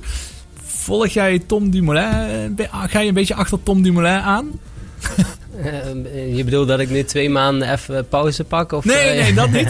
bedoelt- Maar ik bedoel meer dat je Nee, naar Sunweb ging en ging naar de het Jumbo en jij ook. Eigenlijk viel die hele puzzel wel een beetje in elkaar. Toen ik bij Sunweb eh, zat, zeg maar, liep ik wel een aantal probleempjes aan, zeg maar, in mijn... ja, en eigenlijk om mijn stuk chiropractie daar goed volwaardig te kunnen Oké. doen. Daar stoeide ik een tijdje mee. Nou, en toen werd ik gevraagd door team Jumbo-Visma. En Tom was toen ook bezig met team Jumbo-Visma. Dus dat was eigenlijk gewoon een, eh, een perfecte combi. Mhm. Omdat ik het liefst ook nog bij Tom was. Dus eigenlijk eh, was dat, eh ja, dat- viel die puzzel mooi aan elkaar. Is dat Ja. toch een beetje toeval dan? Dat ze jullie allebei benaderen? Of gaat dat wel dat Tom ook zegt van... ik wil heel graag eh, mijn chiropractor mee, want daar heb ik super veel vertrouwen in. Nou, ik denk dat het zeker helpt dat, dat Tom dan ook een goed woordje voor Ja. je doet. Maar ik werd door meerdere renners eigenlijk, die ik ook in de praktijk had, ja, ook gevraagd. En uiteindelijk moet het team dat zelf eh, beslissen. En Tom was op dat moment eh, ja, heel blij dat hij weg kon gaan. Die zat in een moeilijke positie. Dus Mhm. of hij mij mee onderhandeld eh, heeft, betwijfel ik misschien. Maar Ja. dat helpt zeker. En nu zie je bijvoorbeeld ja, dat het gewoon voor mij ideaal is dat ik door Team Jumbo-Visma ben gevraagd. En anders kan ik misschien twee maanden ook niks doen. Dus Team Jumbo-Visma Ja. heeft mij eigenlijk weer overgehaald om naar hun toe te komen. Oké, op die manier, ja, precies. En is het normaal gezien in een normale wereld eh, dan eh, makkelijk voor jou te combineren? Want, want eh, geef eens een beeld, hoeveel tijd ben je kwijt met het, voor Jumbo-Visma in vergelijking met je eigen praktijk? Ja, nou, het is zo dat ik mijn eigen praktijk heb. Nou, daar werk ik ja, meer, dan, meer dan 40 uur, denk ik, in, in de week. Daarnaast heb ik een gezinnetje. Dus ik heb een vrouw met twee kleine kinderen van twee en van vier. Ehm, en als ik dan ook nog met een ploeg eh, meega en ze, ja, ik doe dat parttime. Dus ik eh, probeer eh, ja, 30, 35 dagen per jaar te doen. Ehm, dan geeft dat best wel veel, veel Ja. druk en ook al wat stress. Ehm, dat was ook een van mijn eisen bij, zijn, eh, bij, bij Jumbo-Visma. Ik zei, nou, ik wil nooit langer als twee weken meer achter elkaar weg. Dat betekende ook dat ik eh, bijvoorbeeld niet de Tour kon doen. Dus ik even een rectificatie. Maar Ja. vorige- ik ben niet eh, mee geweest in de Tour eh, eh, vorig jaar helaas. Ik ben wel mee eh, geweest met de Giro. Ja. Ehm, maar eh, daar wilden ze vier weken lang iemand mee. Ja, en ik had eigenlijk aangegeven, ik wil nooit langer als twee weken. Want en voor de praktijk, maar ook voor thuis is dat toch wel eh, Ja. ja. een, een, een- ja, een zware eh, periode. Ja. En ik ben twee keer dus met de Tour mee geweest met Team Sunweb toen. En dan was ik vier weken weg. Ja, Ja, kan je zeggen, je voorstellen, voor het gezin eh, Zeker. was dat wel, eh, wel heftig. Ja, is het wel echt voor jou ook de wedstrijd der, de, de, de wedstrijd Ja. der wedstrijden om daar eh, deel van uit te maken? Ja, de Tour, dat, die heb ik dus twee keer mogen meemaken. En dat is wel gewoon, ja, ik denk het sportevenement in de wielersport sowieso van, van het jaar. Waar je gewoon ja, op het Mhm. hoogste podium staat. Dus dat is wel echt een, ja, een briljant en geweldig podium. Ja. En, sorry, zeg maar. Maar als je zo in een tour zit of een andere grote ronde, daar elke etappe behandel je dan iedereen? Of heb je specifieke gevallen die een chiropracticus nodig heeft? Ja, dat eh, varieert een beetje. Bij eh, Team Jumbo-Visma bijvoorbeeld is het ook wel anders dan bij Team eh, Sunweb. Bij, Jumbo-Visma ga ik naar het hotel en daar ja, klap ik mijn tafeltje uit. Zet ik, ja, je weet hoe dat gaat in de wielersport. Je zit in een hotelkamer, dus bed gaat op de gang en de kast aan de kant. En is- klap je je tafeltje uit en ga je beginnen. En principe kan je iedereen zien. Hè. Dus een stukje preventief om te zorgen dat ze ook goed blijven. Dus je kijkt de gewrichten en de spieren na. En op het moment dat dat allemaal goed beweegt, ga je ervoor zorgen dat hij eh, eigenlijk zo goed mogelijk op zijn fiets zit en dus ook zo goed mogelijk kan presteren.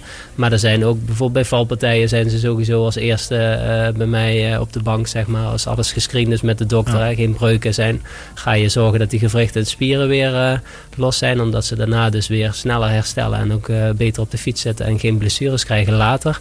Ehm, dus in principe komt dan iedereen langs. Maar als er mensen zijn die geen klachten hebben of het gaat supergoed, ja, dan spreid je dat natuurlijk uit. Want je hebt heel weinig tijd op zijn avond. En hoe eh, beleef jij de wedstrijd zelf? Want jouw werk zit vooral na de koers. Als het fietsen zijn kun je niet veel doen. Maar hoe beleef je gedurende die dag? Is dat voor jou reizen? Is het eh, Ja, kijken? er zitten heel veel reizen tussen, maar eh, meestal eh, zit ik ergens in de koers om een bidon uit te delen en daarna rijd ik door naar het hotel. Ehm, bij Sunweb had ik daar meerdere taken. Moest ik vaker een eh, bidon of een verzorgingspost doen. Moest ik ze daarna opvangen bij de finish, wat ook weer dadelijk terugkomt in de sportmomenten, wat ook heel erg geniaal is, maar ook heel belastend. Wat ehm, bij Sunweb, even bij Team Jumbo-Visma is, is dat ik een bidon aangeef, rijd ik naar het hotel. Ja, dan moet je toch bedenken dat je nou, vier uur eh, in de auto zit elke dag. Mhm. Eh, Je bent op, eh, tijdens de koers, zeg maar, ben je natuurlijk toch de hele tijd bezig. En in Frankrijk heb je bijvoorbeeld niet altijd goede radio en internet. Dus soms maak je helemaal niks mee van zo'n wedstrijd. Soms sta je bij de finish en heb je geen idee wat er allemaal gebeurd is. Dus je kan beter voor de televisie zitten soms. ja. Misschien wel extra spannend. Ja, nee, dat maakt het soms wel heel leuk. Daar heb ik ook een leuk eh, moment, die zal ik meteen erin gooien bij Ja, eh, de Tour van, eh, van voor, ja, niet vorig jaar, dus maar twee Mhm. jaar geleden. Toen won Mike Teunissen Ja. de eerste rit in, in Brussel. Daar had hij ja, eigenlijk... eh, had eh Groenewegen daar moeten viel. winnen, Ja. maar die viel. Nou, dat konden we allemaal niet zien. Ik stond op Michael Matthews te wachten, want ik hoopte dat hij natuurlijk Ja. daar zou winnen en de gele trui zou pakken. Ja, en Mike Teunissen komt de finish overrijden. En iedereen kijkt elkaar aan van, eh, oké, wat is dit? Waar is Groenewegen dan? Is die al eh, gestopt? Eh, is er iets aan de hand? Ja, en daarna kwam, ja, daarna kwam Mike Teunissen met alle camera's om hem heen langs me. Gaf me een high five, want ik kende hem van de Sunweb-tijd en in de praktijk.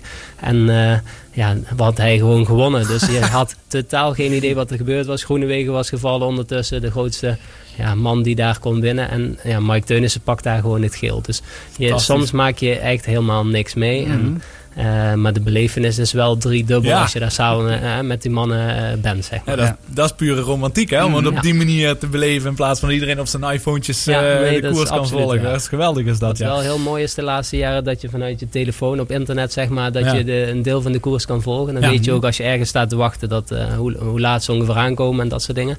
Mhm. Ehm, maar soms, ik heb in de eerste tour dat ik meeging, had ik eh, niet eens in de gaten dat we een keer gewonnen hadden omdat ik nergens bereik had, geen radio had. Zo. En kom bij de finish, iedereen begon te, begon te klappen naar, eh, naar onze auto eigenlijk. En toen dacht ik, zal toch niet dat we gewonnen hebben. en toen hadden we dus gewonnen toen. Geweldig. En dan kom je bij de bus en dan krijg je dus de euforie en iedereen die je knuffelt. En ja, dan is Heerlijk. het natuurlijk het moment. Maar eh, de, ja, je maakt niet alles mee. Oh, Nee. fantastisch is dat, ja. En, eh, maar als laatste, doe jij dus niet mee met gaan naar de Tour? Is dat, gaat er dan een andere chiropractor bij? Want die hoort er gewoon bij? Ja, bij Team Jumbo-Visma hebben we eigenlijk twee personen die, die dat kunnen doen. Eén is een osteopaat uit België. Die was eh, mee, die is ook al twintig jaar bij hun in dienst. En ik eh, ben parttime. ehm, dus ik was eh, dit jaar, eh, of de- vorig jaar niet bij, helaas. Ja. Want eh, ja, in documentaire Code Geel, daar hebben natuurlijk heel veel mensen naar gekeken Absoluut, van eh Kees ja. Jonkind. Daar komt, eh, is dat die persoon eh, Ja, die heel is, veel in eh, beeld Bjorn, was? Die Bjorn Precies. van Melkbeek en ja, supergoeie collega en eh, hij is Ja, osteopaat. Het, lijkt, het leek er echt op alsof jullie gewoon de belangrijkste persoon in de ploeg zijn. Want die zijn Nee. ook eh, psycholoog. Want Nou, iedereen nou ja, kan wel dingen, stress... dat- ja, dat is wel leuk. Hè, Ja. Want je hebt ze wel op de tafel. Je kan even echt met ze praten. En dat heeft echt de leeg, ook, zeg maar. Ja. Die eventjes een, een half uur een massage kan Mhm. doen. Dus je bent wel op dat moment met, één op één met een renner. Maar eh, je bent gewoon één deel en één onderdeeltje van zo'n ploeg. Dus ik, eh, ik vind niet dat Nee. we daar de belangrijkste Nee, dat, dat snap ik. Dat was natuurlijk niet. ver overdreven, dat snap je. Eh, maar ik bedoel Lekker. wel, eh, bedoel wel vooral, wat mij heel erg opviel en wat ik heel leuk vond om te zien, is dat jullie echt een luisterend oor zijn. En alle hectiek is even weg hè, van de pers en het binnenkomen en controles, et cetera. En dat is eigenlijk een soort van het eerste moment dat ze even op zichzelf komen in een kamer eh, met alleen dan de verzorger, of in dit geval dan osteopaat eh daarbij. En dan komt opeens al die rauwe emotie eh, komt dan eruit. En dan zijn jullie degene die daar naar dat is, gaan wat, luisteren. ja, en je ziet ze ook vaker in de praktijk bijvoorbeeld. Heb je hetzelfde. Zeker als iemand een blessure heeft, dan heb je de tijd. Hè, je ziet ze heel vaak om, in die weken om ook met hun te praten en een band op te bouwen. Ja. En, eh, maar er zijn ook eh, renners die komen binnen en die zetten een eh, koptelefoon op of die kijken Oh, op ja. een telefoon of willen hun vrouw bellen. Dat is dan zijn moment, zeg Mhm. maar, Ja. om eventjes niks te willen. Ja, dat is- Ehm, ja. Dus dat is bij elke renner ook wel verschillend. Maar de meeste hebben we natuurlijk wel een... Ja, ja, Ja, dat doet het in een documentaire natuurlijk niet zo goed als iemand op een Nee. telefoon een koptelefoon oplaat. Het is logisch dat je dat uitzenden. dat die- stukje hebben ze niet. En ik denk dat Nee, het heel individueel is. Dat heb ik ook meegemaakt. En dat vind ik ook niet altijd prettig. Maar ehm, dat was... eh, ja, dat, Ja. dat, eh, ja. Want hoe vond je die Mhm. documentaire trouwens? Ja, ik vond het eh, heel mooi dat ze dat eh, in beeld hebben gebracht. Ik eh, denk dat, eh, dat het een hele mooie en eh, ja, rauwe manier is eh, hoe, het, hoe, het daar, eh, hoe het daar ook ging en hoe het echt was achter de schermen. Dus op zich was dat heel mooi in beeld gebracht. Ja. Ja, absoluut. eh, Helemaal met je eens. Goed, we gaan weer eh, wat muziek draaien. We draaien een liedje van eh, Queen, Don't Stop Me Now. Dat vind ik ook wel redelijk toepasselijk, toepasselijk in dit geval. En dan gaan we ondertussen proberen contact te leggen met Wilco Kelderman. I'm gonna have myself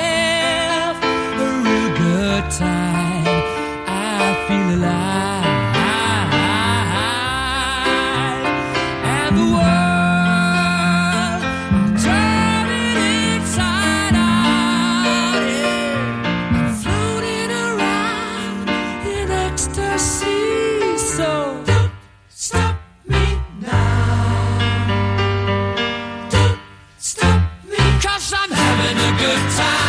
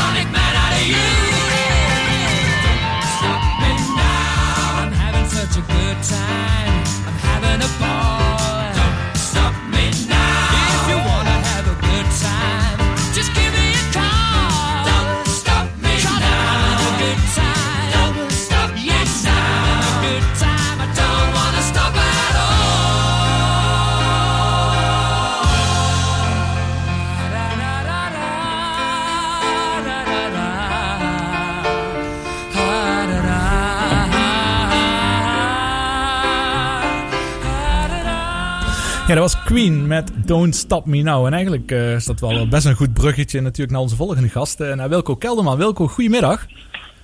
Goedemiddag, Leuk. goedenavond. Ja, goedenavond is het al eh, inderdaad. Hey, allereerst, hoe gaat het met jou? Want een paar weken geleden zijn we natuurlijk als wielerliefhebbers best wel geschrokken naar een, een ongeluk wat jullie hebben gehad in het trainingskamp met Bora, met je nieuwe ploeg. Maar hoe gaat het met je? Ja, het gaat eigenlijk hartstikke goed. Na omstandigheden gaat het eigenlijk heel goed. Ja, het was wel een he- heftig ongeluk eigenlijk. Natuurlijk, eh, als wielrenner zijn dan ben je best wel breekbaar, zeker op de weg. Met alle auto's om je heen. En eh, ja, het was best wel een heftig ongeluk. Natuurlijk als er een auto op, op je in kon rijden. Maar eh, ik nu alweer zonder nekkraag ongeveer. Oké. En ik kan uh, inmiddels alweer buiten trainen en gewoon weer volle bak trainen. Dus dat is wel Zo. fijn. Natuurlijk heeft het nog wel wat tijd nodig om te herstellen. Dus voordat ik echt in wedstrijd kan, eh, gaat dat nog wel nog zeker wel eh, meer dan een maand duren. Maar Ja. ik ben in ieder geval blij dat, ik, eh, dat het boven verwachting gaat. En dat ik alweer lekker kan fietsen. Dus. Absoluut, dat is heel goed nieuws om dat van jou te horen. En ik zag ook al dat je Watopia Ja. alweer aardig onveilig aan het maken bent op de Zwift. Op de, in de indoor trainingen. Is, dat- is dat trouwens iets waar altijd veel van gebruikt wordt gemaakt in een off-season? Of is dat echt iets voor blessureperiodes om weer rustig op te starten? Nou, dat ligt eraan. Kijk, nu, nu is het natuurlijk ook slecht weer. Ja. Het sneeuw, dus nu zit ik er ook bijvoorbeeld wel veel op. Omdat ik natuurlijk geen, niet echte gevaren wel opzoek op de weg. Precies. Dus eh, ja, op zulke momenten eh, ja, is Swift natuurlijk ideaal. En zeker eh, ja, in de winter wordt het wel gebruikt en met blessures inderdaad. Mhm. Dus ja, je ziet wel dat het geregeld wordt gebruikt gewoon door meerdere profs. Ja, nou leuk. Ja, goed. Ik heb, maak mezelf sinds kort ook schuldig eh, aan. Ik vind het echt helemaal geweldig om eh, gewoon lekker thuis eh, daar te kunnen trainen. Ehm, maar Ja, goed, even. Ja, zeker. Hey, maar even over de samenwerking, hè, samen met Maarten. Want ja, normaal zou je natuurlijk nu met Maarten hard aan het werk zijn, ook voor je herstel. Zeker in jouw specifieke blessure. Maar dat is iets anders, loopt even anders op dit moment. Ja, dat is zeker. Dat is zeker. Er is ook soort periodes. eh, ja, ik heb veel blessures gehad. En eh Maarten heeft me daar eigenlijk al die jaren doorheen getrokken. En eigenlijk met zulke soort dingen, eh, ja, is het gewoon essentieel dat, ik bij Maarten langs kan. Zeker, hij werkt gewoon over de hele keten. En het is niet alleen dat hij, dat hij zeg maar alleen kraakt, maar gewoon de spieren bekijkt hij en hoe alles samenwerkt. En natuurlijk, fietsen is niet echt een, echt een natuurlijke houding. Dus voor ons is het gewoon heel essentieel dat, eh, dat we iemand zoals Maarten de chiropractie eh, kunnen gebruiken. En jammer genoeg kan dat nu niet in coronatijd. En de fysio's die, die kunnen wel aan het werk, maar eigenlijk ja, de fysio's die kunnen wel een deel, maar die kunnen zeker niet eh, wat Maarten doet, zeg maar. Gewoon, eh, die weten gewoon dat het hele lichaam in elkaar zit. Dus het is heel, heel jammer dat, dat hun niet aan het werk kunnen en de fysio's bijvoorbeeld wel. Dus eh, zeker voor mij in deze periode is het wel even lastig. Want, eh, ja, normaal dus zou ik daar nu langs gaan en eh, Precies. ja, dan, dan, dan ben ik zeker eerder pleziurvrij. Maar ja, nu gaat dat even niet. Dus ik hoop dat die begin maart weer open kan en dat ik er dan langs kan. Dus Ja, absoluut. Hè. Is er wel enig begrip voor eigenlijk binnen de wielerwereld dat jullie eh, ja, toch eh, als topsporters ja, kunnen je toch minder ehm, ja, je sport uitoefenen? Misschien niet helemaal, maar de niet de behandelingen of niveau van behandelingen krijgen zoals jullie gewend zijn en wat ook wenselijk is. Nee, dat is, dat is best wel lastig in deze tijd. En ehm, natuurlijk hebben we wel trainingskampen en dan gaan er wel fysio's en, eh, en natuurlijk ook osteopaten wel mee. Dus dan kunnen we wel behandeld worden. Maar zeker nu in deze periode is het gewoon heel lastig dat je niet behandeld wordt. Zeker als de, als de belasting heel hoog is, dus als je heel veel traint. Eh, wat ik al zei, wielrennen is niet echt een natuurlijke houding. Dus dan heb je gewoon vaak ook gewoon wat klachten en eh, rug en eh zulke dingen en bilspieren. En, ja, en de chiropractor die kan dat ideaal losmaken. En, Ja. en nu gaat het gewoon even niet. Maarten, wat is eh, jouw eh, gevoel eh, daarbij? Ja, dat doet wel een beetje pijn in ons zorghart. Want dat is eigenlijk waar, ja, waar je de gevoelige snaar raakt. We kunnen op dit moment en we mogen op dit moment ja, niet werken. En dat is voor de gewone rug, nek, hoofdpijnpatiënten heel vervelend. Maar zeker ook voor de topsporters en sporters. Ehm, ik zou Wilco heel graag nu eh, willen behandelen. Hij heeft ja, flink eh, ongeluk gehad. Hij heeft heel veel klachten ook daarvan. En op den duur kan dat zelfs eh, leiden tot meer blessures Mhm. en klachten. En ja, als je kijkt naar zijn voorbereiding, hij wil als hoofddoel de Tour doen. Ja, wil je niet juist nu in het voorjaar komen te zitten met knieklachten of met andere rugklachten. Dus ja, dat, dat doet mij wel pijn. Ja. Ja, snap ik, want het is wel een essentieel moment lijkt me ook in het herstel. Zeker in Wilco zijn geval natuurlijk. Absoluut, ja. Zeker na een, eh, na een valpartij kan je als chiropractor juist heel veel doen. Dus je zorgt ervoor dat de spieren en die gewrichten weer goed gaan bewegen en functioneren. Waardoor je uiteindelijk ja, beter op de fiets eh, gaat zitten en ook de klachten minder worden. Nou goed, en eh, voor, eh, ja, voor Wilco is dat op dit moment gewoon niet mogelijk.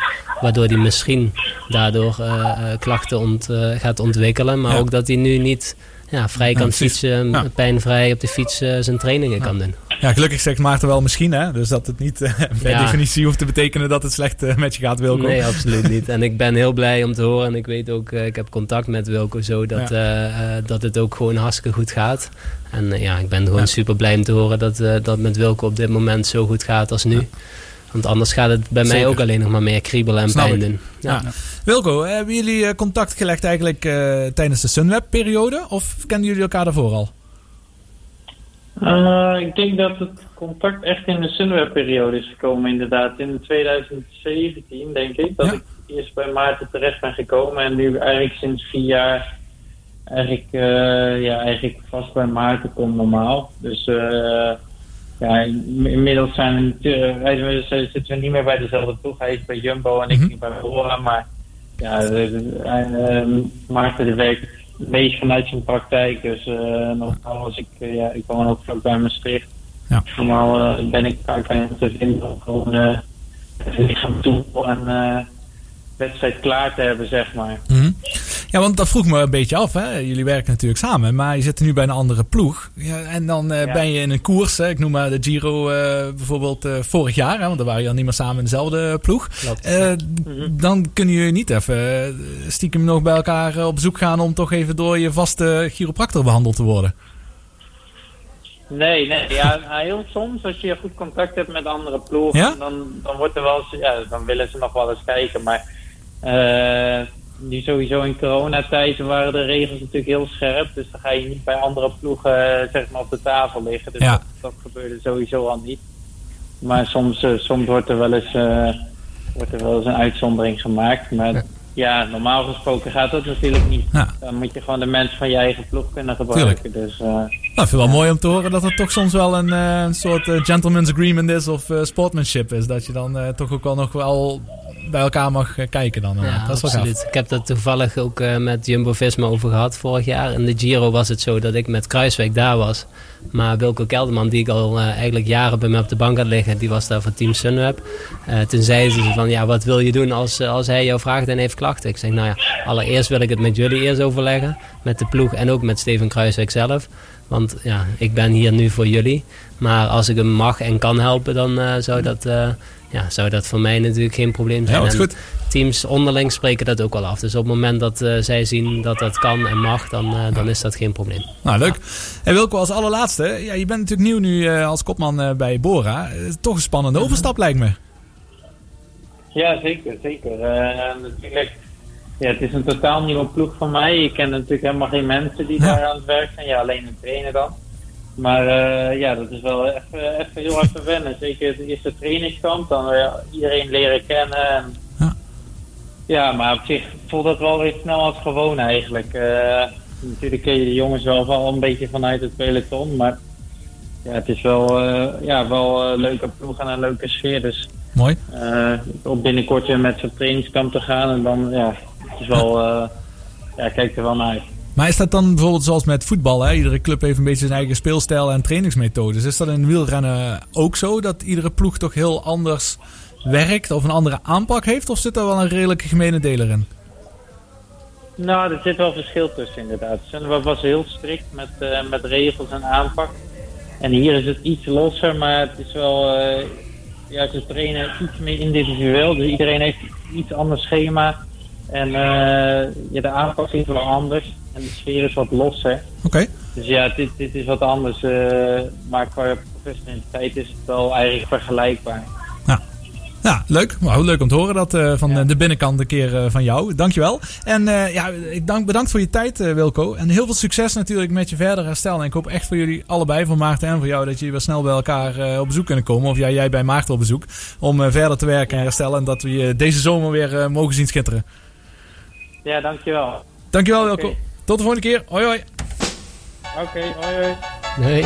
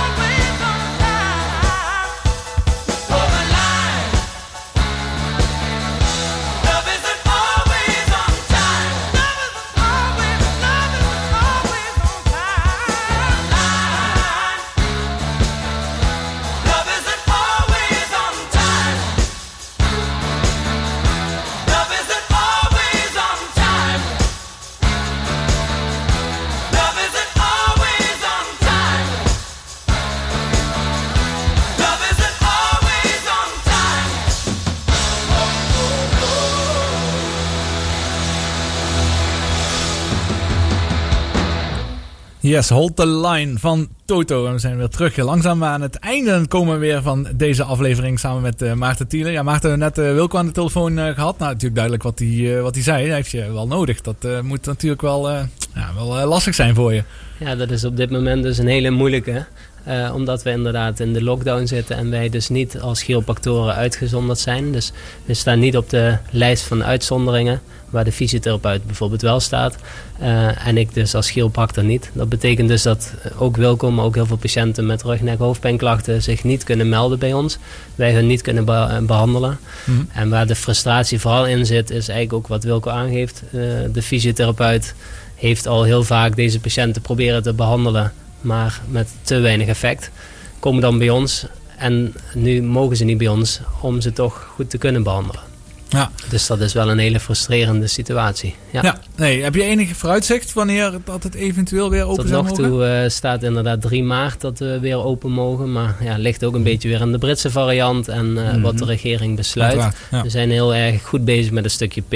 Nou, eh, Wilco heeft denk ik ook net een heel mooi stuk PR voor eh, gemaakt. goed. Wat ons ontzettend helpt. Alleen ja, voor onze situatie betekent het eigenlijk dat we of op de wet BIG eh, eh, geregistreerd moeten staan. Nou, dan Mhm. moeten we een opleiding in Nederland hebben. Dat gaan we voor 3 maart ook niet realiseren. Daar zijn we al tien jaar mee bezig. Ehm, er zijn een aantal uitzonderingen. eh, die wel op die lijst komen te- kunnen komen te staan. En ja, ik hoop dat wij als chiropractoren wel die erkenning krijgen zoals de rest van Ja. Europa dat bijvoorbeeld wel heeft. hè. Als ik in Maasmechelen dus bij Lanaken nu zou wonen en mijn praktijk zou hebben, zou ik wel mogen werken.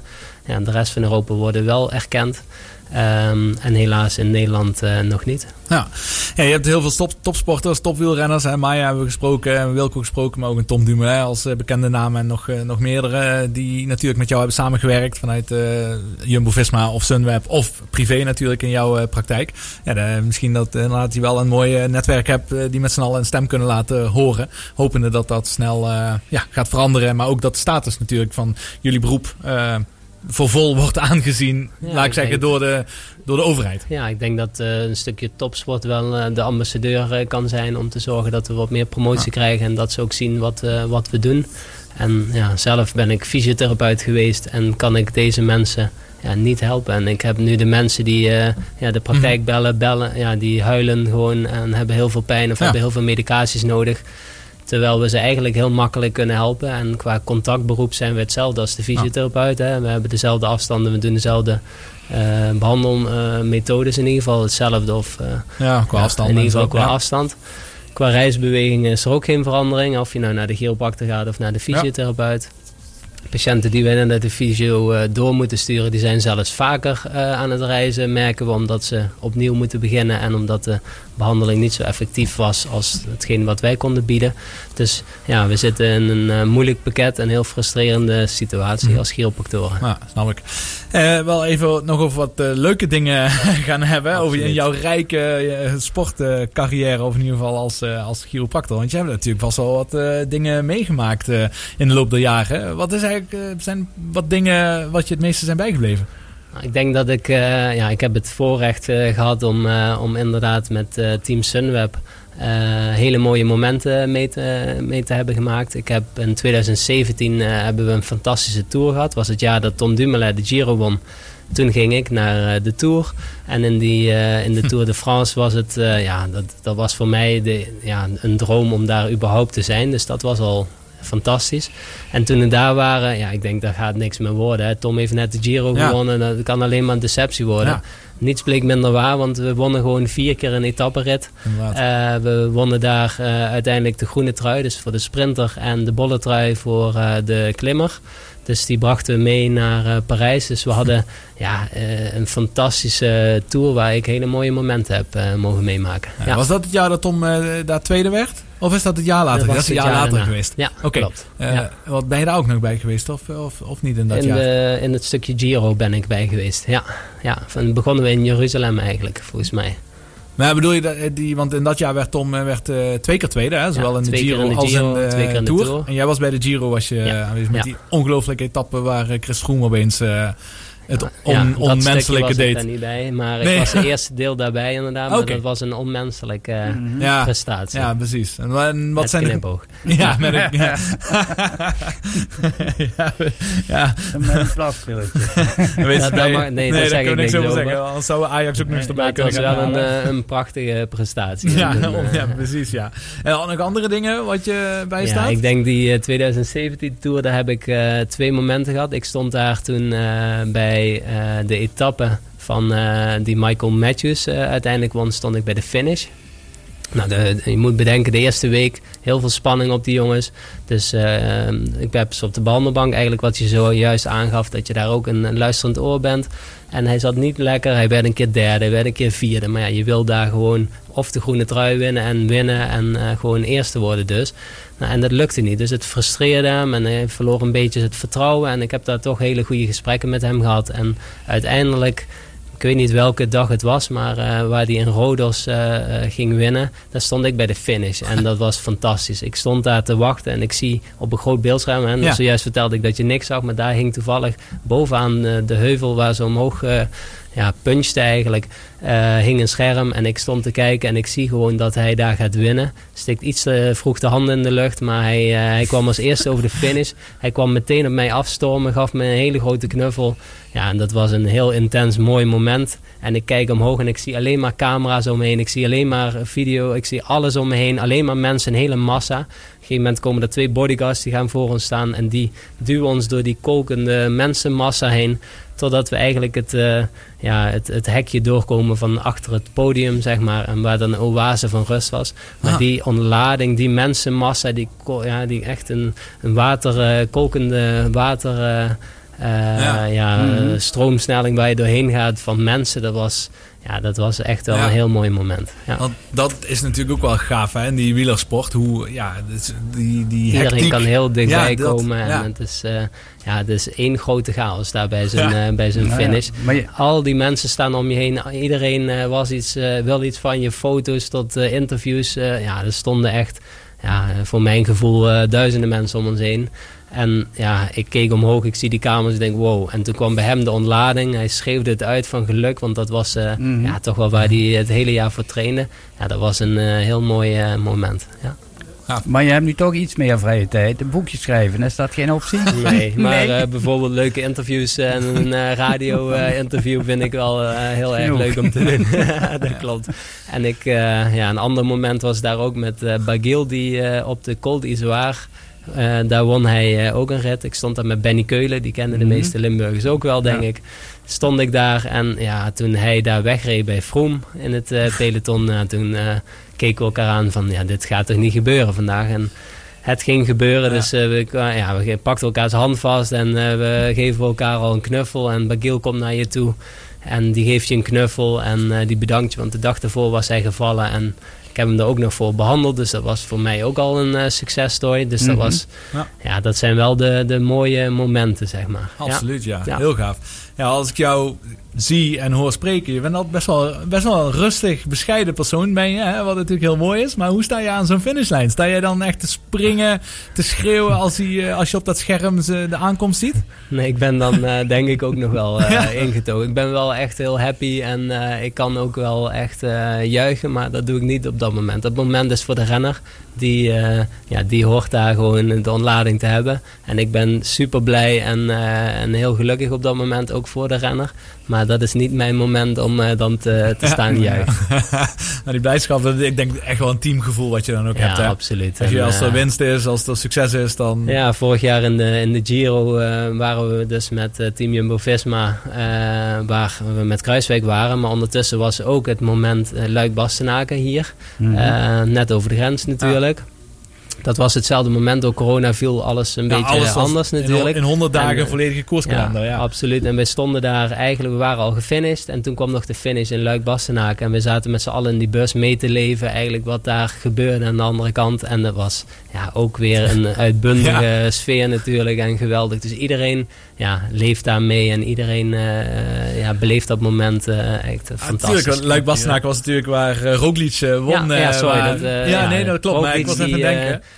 Ja, dus, Met die eh, spectaculaire Alaphilippe, die, Alaphilippe eh, die had zijn handjes al in de lucht Ja. en hij kroop er eigenlijk onderdoor eh, en een, een seconde, echt een banddikte Ja. won hij. Ja. Ja, Ja, en toen ging iedereen ging uit zijn plaat tuurlijk. natuurlijk in die bus. Dus dat was fantastisch. En, en, zeker na, dat was na de Tour was dat natuurlijk. Iedereen gunde hem, dat absoluut. natuurlijk meer dan wie dan ook. Absoluut. Ja, wat dat betreft, heb je, ben jij in de Vuelta geweest ook? Nee, ik ben niet in de Maar Vuelta dat geweest. is, hoe heb je dat ervaren? Dat moet voor jullie toch ook, wel echt zo geweldig zijn. Iedereen ja, leeft mee, iedereen Mhm. wil. Het Team Jumbo-Visma is wat dat betreft een, eh, ja, één grote familie. En eh, iedereen wil graag de, ja, eigenlijk, eh, de prestatie hebben natuurlijk. En met ja, iedereen deze doelen behalen. Dus dat is fantastisch om mee te maken. na zo'n geweldige Tour de France, waar uiteindelijk die pijn Ja. zo voelbaar was, denk ik dat Vuelta een geweldige afsluiting was van het seizoen. Ja, Ja. en daar heb ik ja, ook, eh, maar ik weet niet hoeveel tijd we nog Nou, we hebben. zitten langzaam. We hebben nog een halve minuut. Ja, nee, daar heb ik mijn eh, sportmoment denk ik ook wel gehad. Was Ja. vorig jaar toen ik naar Tienje werd geroepen voor, eh voor Roglic.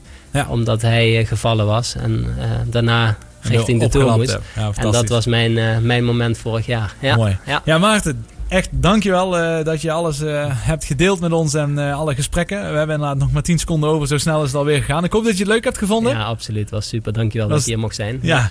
Jij ook, bedankt voor je verhaal. Filip ook weer bedankt. Wij zijn er over twee weken weer, want volgende week is eh, de vastelavond. En dat is eh, andere mensen die daar veel beter in zijn.